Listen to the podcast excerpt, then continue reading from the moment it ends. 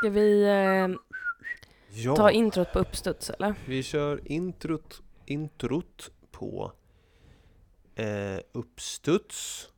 Varmt välkomna till Juristen. Vänta, vänta, vänta.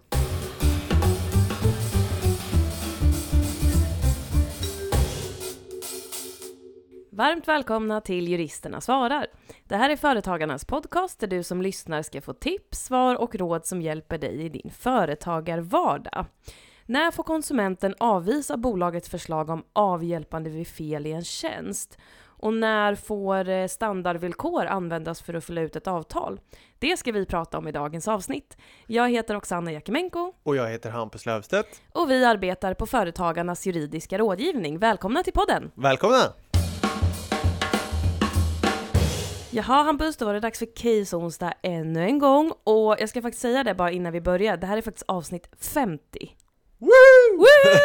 Applåder! Applåder! Ja, men det är ju fantastiskt. Det är Eh, kul ändå. Kul att vi, vi redan har gjort 50 avsnitt. Ja, verkligen. orimligt. Men du, eh, kan du bara dra lite kort för, för de som är nya till podden, vad Mm. är Case onsdag? Ja, men det är helt enkelt avsnitt där vi väljer varsitt rättsfall eh, som kan vara bra att känna till för företagare i sin företagarvardag, eller hur? Ja, jajamän. Och där går vi igenom dem och kanske ger lite egna, ska man säga, liksom highlights och Mm. sådana här med överstrykningspenna och vad man ska ta med sig och så. Ja, men Mm. exakt. Och vi kan ju också nämna det att alla de här rättsfallen som vi väljer ut inför varje case onsdag, de är vägledande i liknande fall då, så att det kommer helt enkelt från de högsta instanserna, vilket ju är Högsta förvaltningsdomstolen, Högsta domstolen och Arbetsdomstolen. Ja, so men far. precis. Sen so finns det ju lite fler. Ja, men så kan det vara. instanser. Men Mm. eh, det är de som vi har bockat av hittills. Precis. Jaha, och idag ska du prata konsumenttjänster igen, eller hur? Ja, jag ska ju det. Jag gjorde ju det även förra gången. Mm. Eh, så att jag, jag håller mig kvar lite på samma tema. Vad, vad ska du prata om? Ja, jag ska prata om utfyllnad av avtal igen faktiskt. Igen, ja. för det slog mig att vi pratade om det, får jag bara tänka efter lite, men vi pratade om, det var en upphandling som man vann. Just det, Mm, det kommer jag ihåg. jag kommer ihåg, det var en case onsdag, nu har jag inte avsnittsnumret framför mig, men det handlade ju då om hur det var en upphandling där exklusivitet för leverantören inte hade avtalats om. Där då domstolen fyllde ut och sa att jo men för 17 det här är exklusivitet som ska gälla mellan parterna, i alla fall till Mm. en viss del. Men så att jag har valt det igen för att det är väldigt bra för företagare att veta hur inte bara avtalet som man har framför sig som man kråkar på bägge parter eh, är det som gäller utan ibland, även om i undantagsfall får man väl säga, Mm. det kan liksom ske utfyllnad av sådana. Ja, men precis. Ja, men du, spännande. Mm. Jag, eh, jag börjar idag. Visst? Okej, Härligt. Så jag ska alltså gå igenom rättsfallet som heter så mycket som NJA 2016 sida 222. Eh, och det här rättsfallet har liksom inget namn så, men jag har Nej. valt att kalla det helt enkelt avhjälpande vid fel av tjänst. bra namn. Lite torrt kanske, men, men, men nu blev det så. Eh, och, och bakgrunden är så här då, att sommaren 2009 så ingick Stockholms Kök och Byggkonsult AB, som jag framöver kommer kalla för bolaget, Mm. de ingick ett skriftligt avtal med konsumenten BO om att bolaget då skulle utföra eh, lite olika hantverkartjänster i BOs eh, bostadsrätt. Mhm. Och en av de här hantverkartjänsterna var att bolaget skulle riva ut det befintliga parkettgolvet i vardagsrummet och lägga in ett nytt golv som BO hade valt ut då. Men det lades in fel golv och själva utförandet var inte heller fackmannamässigt utfört. Så BO han reklamerade det här felet till bolaget och ja, bolaget höll ju med om att det hade blivit fel både Mm. vad gäller själva faktiska golvet men även utförandet då. Så att parterna började diskutera avhjälpande av felet per mail. Och det är egentligen den här mailkorrespondensen som ligger till grund för att det till slut blev ett domstolsärende kan man säga.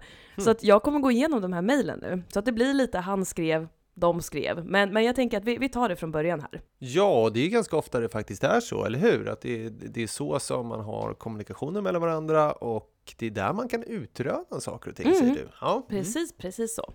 Eh, så att så här såg mejlkorrespondensen ut då. Att den 19 oktober 2009 då, Mm. så skickade bolaget, det här var alltså efter att BO hade reklamerat, eh, så skickade bolaget då en projektplan och en beskrivning av hur det här avhjälpandet av golvet skulle ske och frågade om det gick bra att avhjälpandet påbörjades den 2 november. Eh, ja, samma dag, alltså fortfarande 19 oktober, så svarade BO då med ett eh, antal följdfrågor rörande det här avhjälpandet. Mm. Eh, den 20 oktober, alltså dagen efter, så svarade bolaget på BOs frågor och gav då ytterligare information om hur det här avhjälpandet skulle gå till.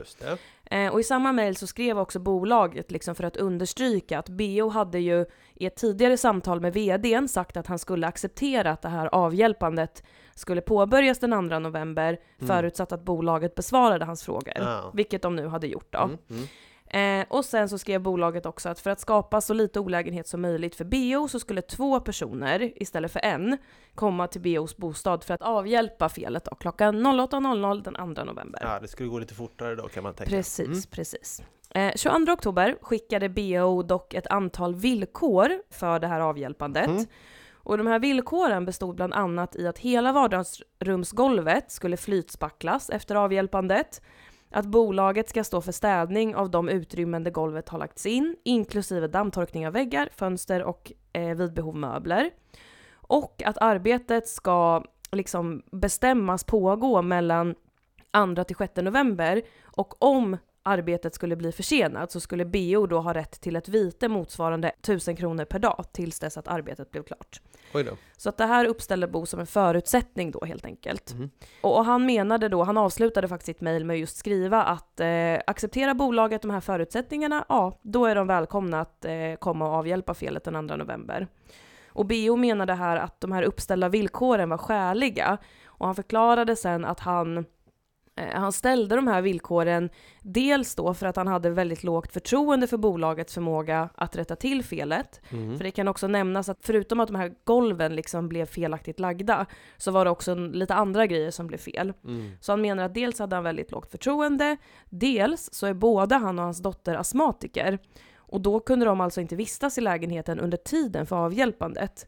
Eh, och på grund av de här astmabesvären då så hade BO preliminärt bokat ett alternativt boende då under den här veckan som var aktuell för avhjälpandet. Så det var liksom hans motivering till Mm. Ja, de här eh, villkoren. Eh, 26 oktober skickade BO ett påminnelsemail, bad bolaget återkoppla snarast. Han fick inget svar.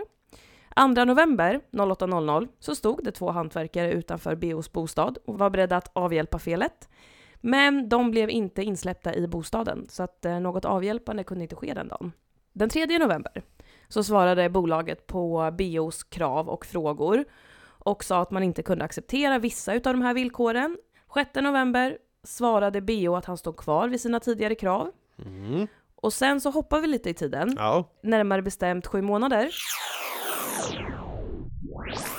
Eh, och då är vi framme i juni 2010, för Mm. då skickade bolaget en slutfaktura till BO för hela arbetet. BO bestred den här fakturan med hänvisning då till sitt tidigare mejl från den 6 november och underströk då att han stod kvar vid sina tidigare krav, att det är de här förutsättningarna som måste vara uppfyllda för att de ska få avhjälpa. Mm. Sen bolaget visste inte riktigt vad de skulle göra, de hade inte varit med om det här tidigare så det tog ett litet tag men de tog till slut i alla fall kontakt med ett juridiskt ombud som i april 2012, alltså två år senare, mejlade Bo och uppmanade honom då att ännu en gång samverka till det här avhjälpandet. BO svarade och förklarade att han har släppt den här saken och bolaget borde helt enkelt göra detsamma. Mm. Men sen i efterhand visade det sig att BO hade sålt lägenheten vid tillfället för det här mejlet från ombudet så att då Och- kan man ju förstå att han hade släppt det hela så att säga. Ja, och när BO svarade och förklarade att han hade släppt saken och att bolaget borde göra detsamma, då menade han att jag kommer fortfarande inte betala den här fakturan. Ja, precis. just- exakt så. Och, och det var liksom hela mejlkorrespondensen då. Men frågan i målet, det som liksom domstolen hade att pröva, det var ju då om BO hade avvisat bolagets erbjudande om avhjälpande Mm. och därmed haft full rätt till betalning. Eller om BO faktiskt haft skäl att avvisa avhjälpandet och därmed haft rätt till prisavdrag för det felaktigt utförda arbetet. Spännande va? Ja, men eh, verkligen. Och ännu mer spännande blir det för att eh, tingsrätten gick på BOs linje och Ja. hovrätten gick på bolagets linje och Nej. nu är vi alltså framme i Högsta domstolen. Så. Aha. Och som vanligt då så börjar HD med att gå igenom den rättsliga regleringen och Eh, i det här fallet så är det ju konsumenttjänstlagen då som vi är inne i. Och i korthet så kan man säga att det fungerar så här att om en tjänst är felaktig utan att det då beror på något förhållande på konsumentens sida så får konsumenten då hålla inne betalningen och kräva att felet avhjälps, att företaget lämnar ett prisavdrag eller häva avtalet, det vill säga omedelbart frånträda avtalet då. Men den här rätten, alltså konsumentens rätt att välja vilken påföljd som ska komma i fråga, Mm. den inskränks genom en annan paragraf i konsumenttjänstlagen. Yes! Exakt. 20 paragrafen, andra stycket, för att vara eh, mer exakt. Just det, kan det vara någonting med att det är extra jättekostnad eller något? Nej? Nej, Nej. utan, ja det, en sån finns det ju också faktiskt. Men det står också så här i just andra stycket att eh, även om konsumenten inte kräver det så har näringsidkaren rätt att avhjälpa fel om näringsidkaren efter det att han fått reklamationen utan uppskov erbjuder sig det eh, och konsumenten inte har något särskilt skäl att avvisa erbjudandet. Just det, det här särskilda skälet ja. Exakt, så att det här betyder ju alltså att näringsidkaren kan undvika de andra påföljderna, alltså prisavdrag eller hävning, istället då genom att avhjälpa felet. Vidare då så ska ju det här avhjälpandet ske inom en skälig tid Mm. efter det att konsumenten då förstås har gett näringsidkaren tillfälle att faktiskt avhjälpa. Den här fristen för vad som är skälig tid, den börjar inte löpa först näringsidkaren ja, men faktiskt getts tillträde till bostaden då i det här fallet. Och man kan också säga så här att normalt sett så ska konsumenten godta erbjudande om avhjälpande om avhjälpandet syftar till att tjänsten just ska utföras på ett avtalsenligt sätt. Och det här med avtalsenligt sätt, där menar man i princip då att näringsidkaren har liksom ingen skyldighet att vid avhjälpande utföra arbete som inte faller inom ramen för parternas avtal. Exempelvis då eh, ja, men använda bättre metoder vid ett avhjälpande än vad man använder vid liksom, ordinarie utförandet av tjänsten Mm. så att säga. Men du, du sa att konsumenten kan avvisa ett avhjälpande om det finns särskilda skäl att göra det. Mm. Berätta mer. Precis. Ja, de, de här särskilda skälen, med det så menar man att eh, det här avhjälpandet, det får avvisas om avhjälpandet skulle medföra betydande besvär eller olägenhet för konsumenten, Mm. eller om näringsidkaren har visat eh, men allvarlig oskicklighet när tjänsten utfördes eller uppträtt stötande eller på annat sätt liksom har åsidosatt konsumentens intresse. Men det måste ha gjorts på ett sätt så att konsumenten med fog kan hävda att den inte längre har förtroende för näringsidkaren.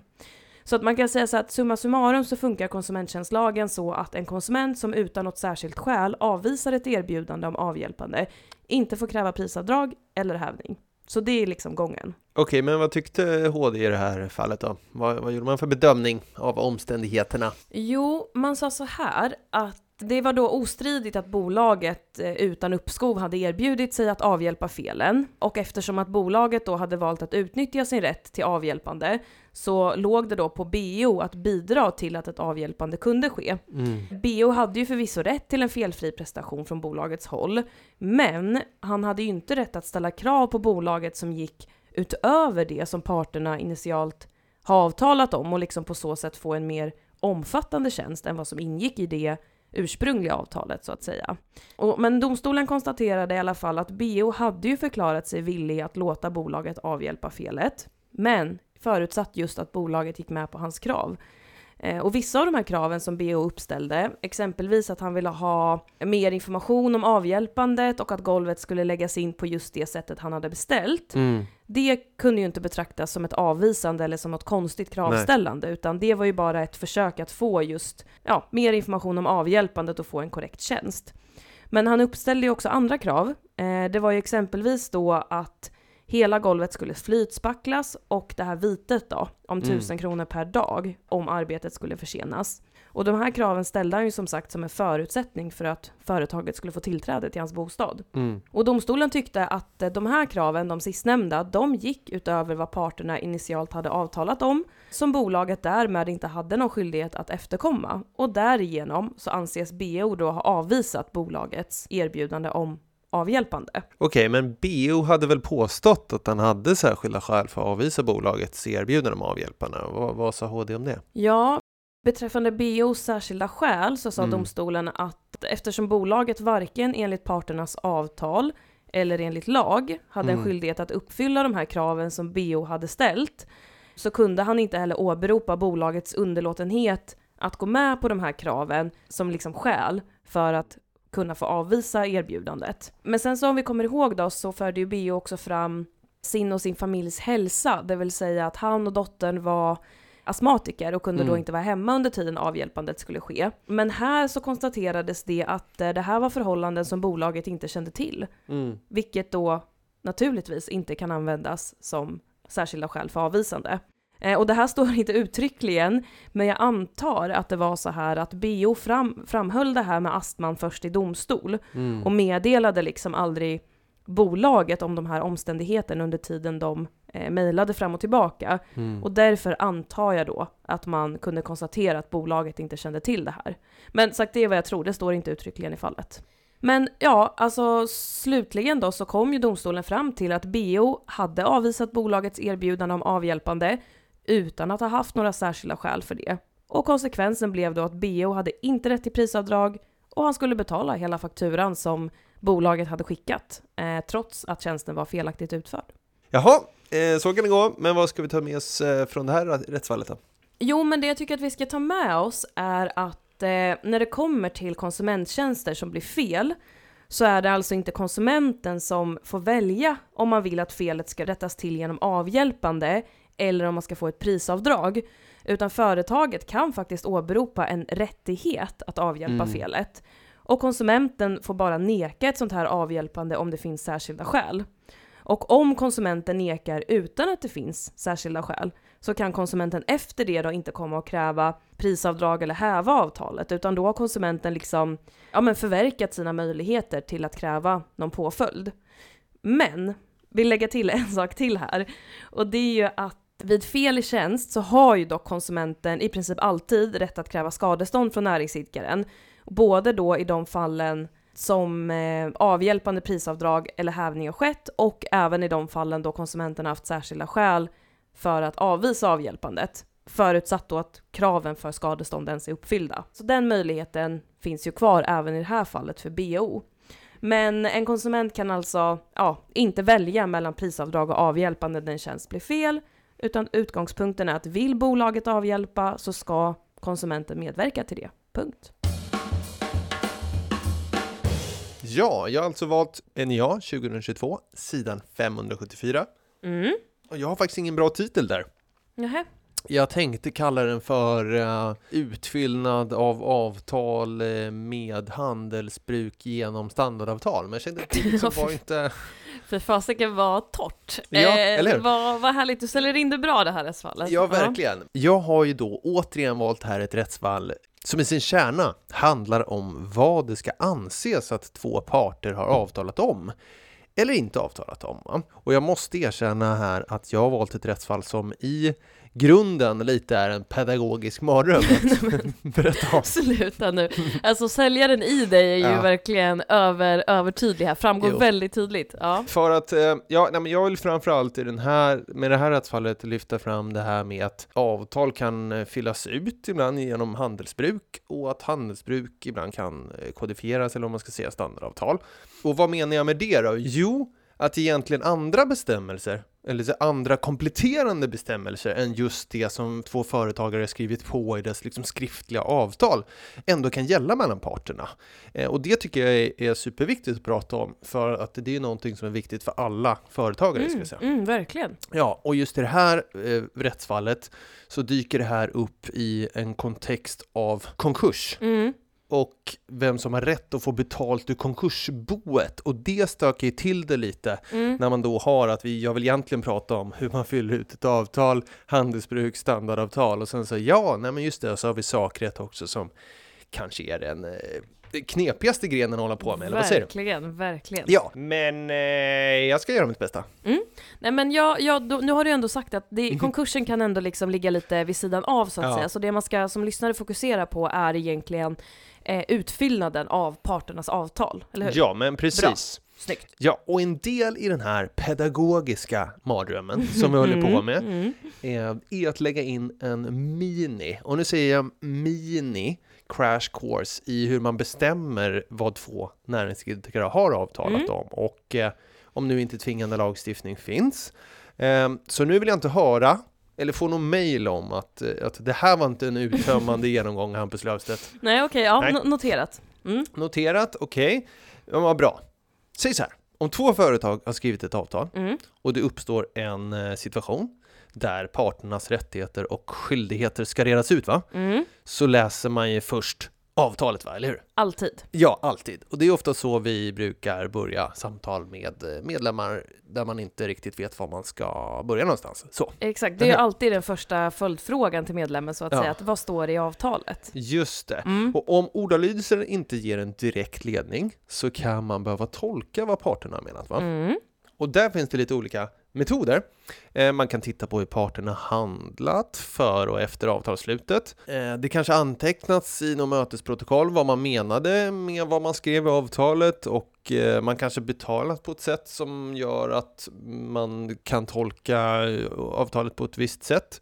Man kan också titta på om vissa ord ska tolkas på ett visst sätt just i den här branschen. Mm. Och man kan också titta på systematiken i ett avtal, om det kan ge någon ledning. Eh, ett ord under en viss rubrik eller i ett visst avsnitt kan ju betyda något annat, få en helt annan innebörd i ett annat avsnitt Mm. under en annan rubrik. Eh, försökte komma på något tvetydigt exempel, men jag lyckades inte med det. Men okej, tolkning hit och dit. Det finns också något som kallas för utfyllnad. Och det är när ett avtal så att säga kompletteras med regler som inte återfinns i avtalet alls, skulle jag nog säga. Mm. Och det är lite flytande däremellan, men, men så, så brukar man hålla det åtskilt då. Här kan vi till exempel ta vid köp av lös egendom eh, mellan två näringsidkare, eller två konsumenter för den delen, så finns ju köplagen som så kallad då utfyllande lagstiftning som kan fylla ut eh, det som parterna inte avtalat om. Mm. Men, och det är det som är spännande med det här rättsfallet, att avtal kan även fyllas ut med handelsbruk eller annan sedvänja.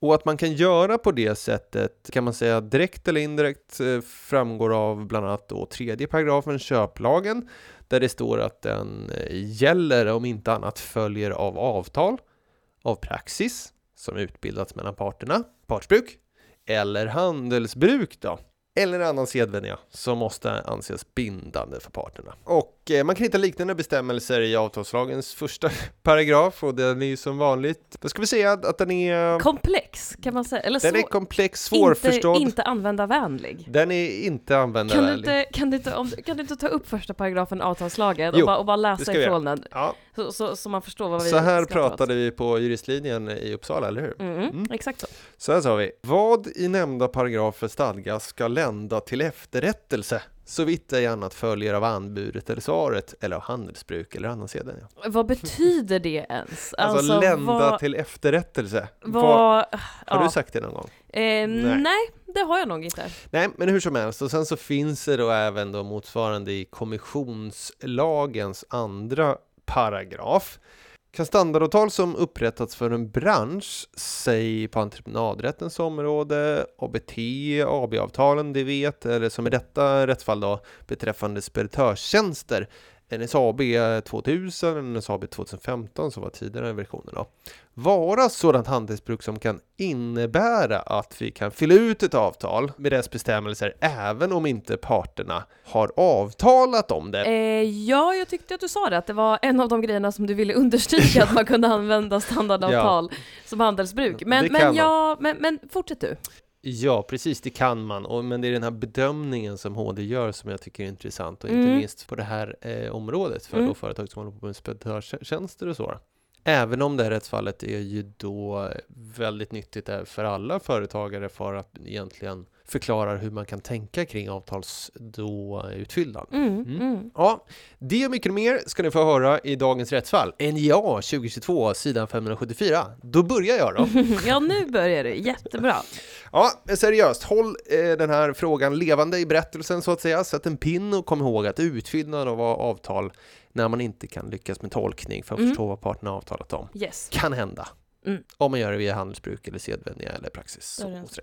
Okej, så här ligger det till förstår ni. Rättsfallet handlar om speditörstjänster. Och vad är det då, tänker ni? Jo, det är allt från att erbjuda transport och förmedlingstjänster till att man erbjuder lagerhållning och då, då att man tar emot varor, att man packar varor, att man packar upp varor, att man plockar varor, emballerar varor. Säger man Mm. emballerar?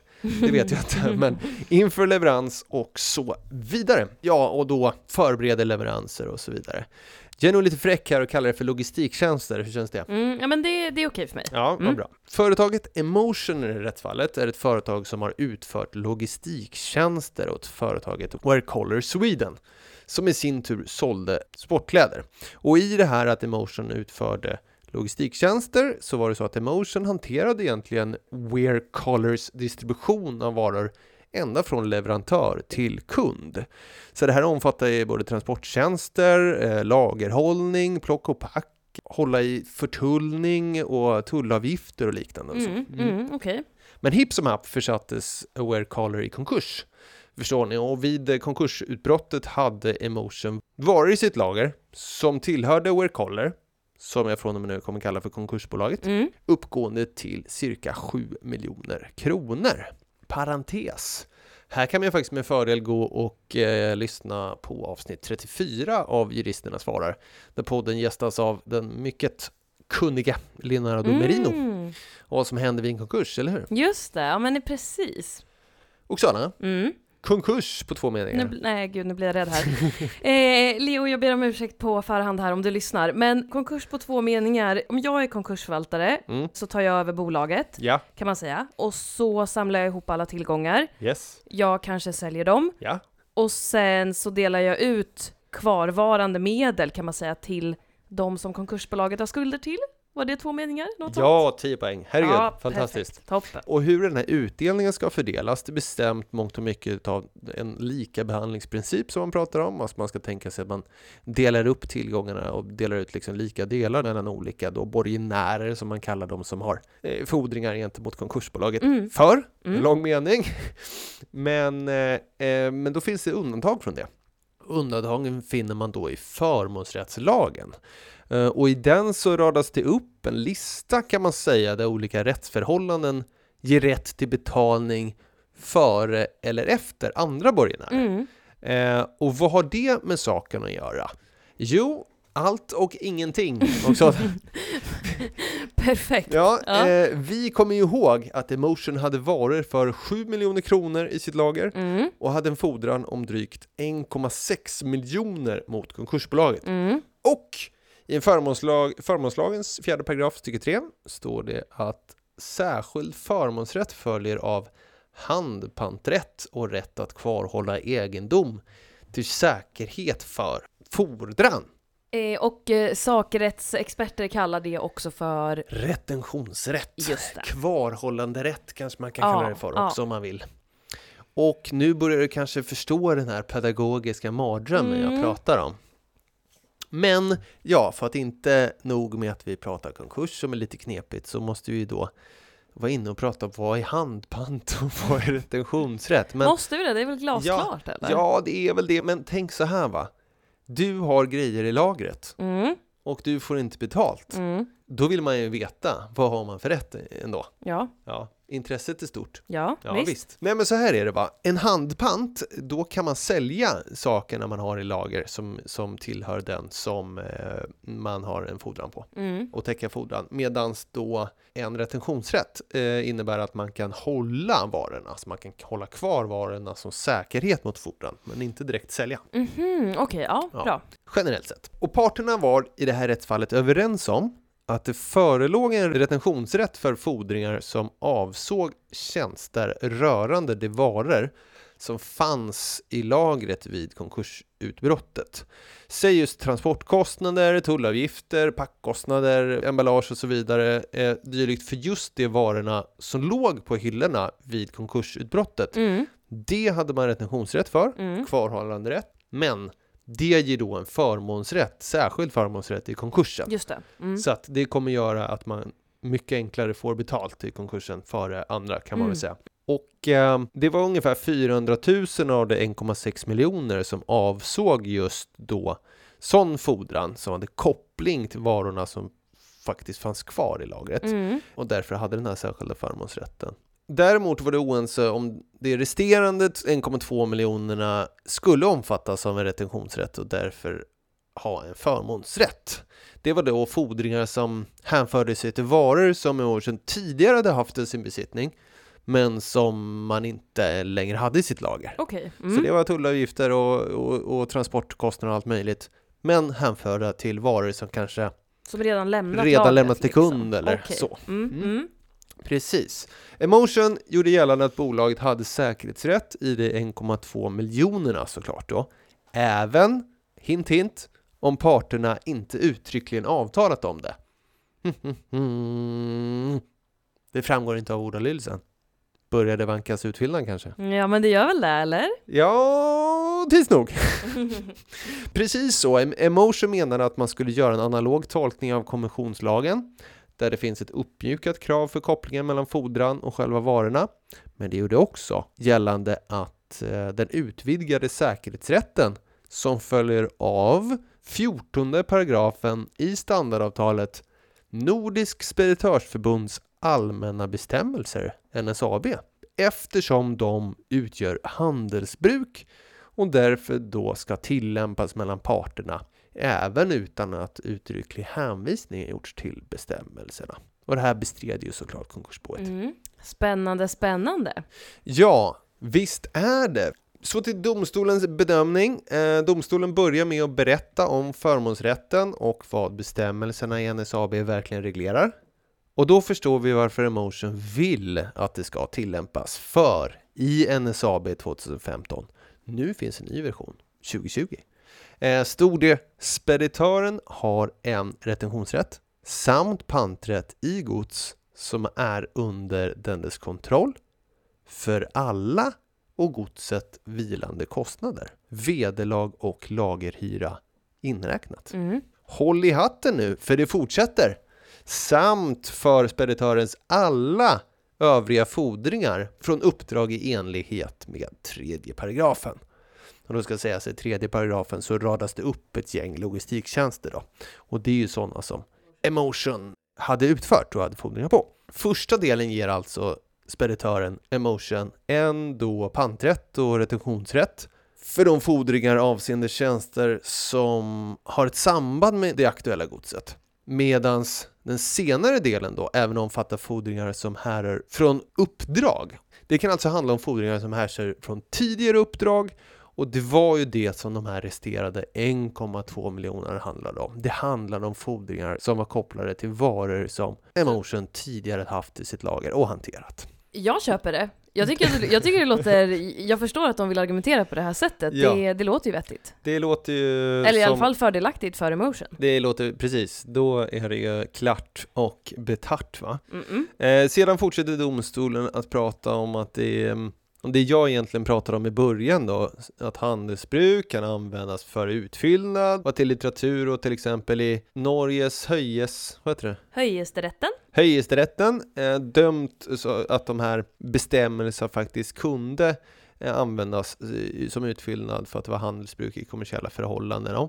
Danmark och Finland har inte tagit ställning och då inte heller Sverige innan det här rättsfallet. Mhm. Hur kan man då tänka när man ska göra en bedömning av om ett standardavtal eller en viss bestämmelse i ett standardavtal utgör handelsbruk så att man kan argumentera för att det fyller ut ett avtal?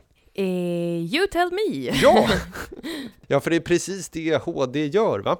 HD går ganska pedagogiskt igenom hur man kan göra en sån här bedömning och då pratar man mycket om att det ska ha fått erforderlig stadga och spridning. Och jag tänker att det kanske är dags att vi understryker vad handelsbruk framförallt handlar om. Och det är regler inom en bransch. Inom en bransch, okej. Yes, allmänt använt och välkänt inom en bransch. Mm. Och då fortsätter jag citera lite här från Ja, deras bedömningar. Mm. För att avgöra om ett standardavtal utgör handelsbruk får det alltså prövas om det har fått erforderlig stadga och spridning. Av grundläggande betydelse är hur allmänt använt och välkänt standardavtalet är inom branschen. Att ett standardavtal allmänt används är emellertid inte detsamma som att det föreligger ett handelsbruk och det kan man, ja, så hänvisar de till ett rättsfall där då. Och nu hoppar jag in lite och, och med en egen kommentar och det, Ja, alltså det räcker inte med att man har ett villkor som kan användas liksom för väldigt många olika branscher utan och på- på så sätt allmänt då. Utan för att ett standardavtal ska kunna vara handelsbruk så krävs det att det är att det allmänt används och allmänt då fått den här erforderlig stadga och spridning inom en bransch. Mm. Eh, det kan också vara så att, att vissa avtalsbestämmelser har fått sådan stadga och spridning att det utgör handelsbruk medan andra, som kanske tillkommit senare, inte har uppnått samma grad av stadga och spridning. Om det saknas konkurrerande standardavtal inom branschen kan det tyda på att handelsbruk föreligger. Detsamma gäller för en viss reglering om det återfinns i flera standardavtal inom branschen. Mm. Andra omständigheter som är av betydelse är hur standardavtalet har kommit till och hur länge det har använts. Vidare har det betydelse om avtalet ensidigt speglar vissa kommersiella intressen. Är det däremot väl avvägt och tillgodoser båda parters intressen ökar förutsättningen för att se det som handelsbruk. Detsamma gäller om bruket av standardavtalet fyller ett behov som inte tillgodoses på annat sätt. Får jag säga en sak? Det första jag bara tänker på när du citerar här Mm. från domskälen, jag blir nästan lite pirrig. Alltså det här var otroligt bra och tydliga domskäl, det är inte alltid de är. Nej men eller hur? Jag tycker det framgår väldigt klart och tydligt hur man gör den här bedömningen faktiskt, trots att det är en ganska många omständigheter man måste ta hänsyn till. Nej men jag håller med dig, det är bra på så sätt att vi kan ta ut vissa saker här som vi kan använda. Finns det konkurrerande standardavtal? Hur har det kommit till? Är det ensidigt och lite sådär? Mm, det är liksom tydliga frågor man kan plocka ut och ställa sig för att bedöma det här. Ja. Mm. Vill du veta hur eh, domstolen eh, gjorde bedömningen? Väldigt, väldigt gärna. Ja, nej men då gjorde de så här förstår du. Eh, då sa de att eh, ja, nej men hörni ni, eh, det här Nordiska Speditörsförbundet, det har anrika anor förstår ni. Sa de det? Nej, men- Står det där i domskälen?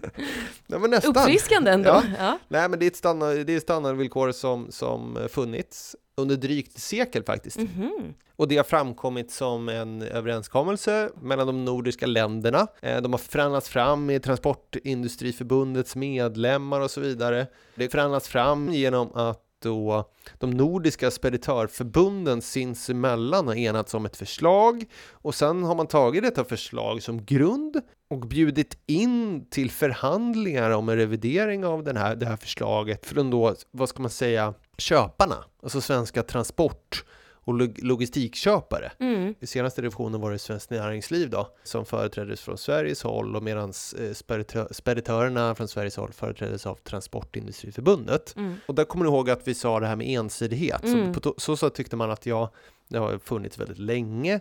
Det är då, har en balanserad ris- riskfördelning mellan Parterna. Parterna, ja, men precis. Mm. Och sen så det här med funktion kommer du ihåg också va? Mm. Det kommenterar de genom att det saknas reglering i form av särskild lagstiftning för då speditions och logistikbranschen som fyller de här bestämmelsernas funktion.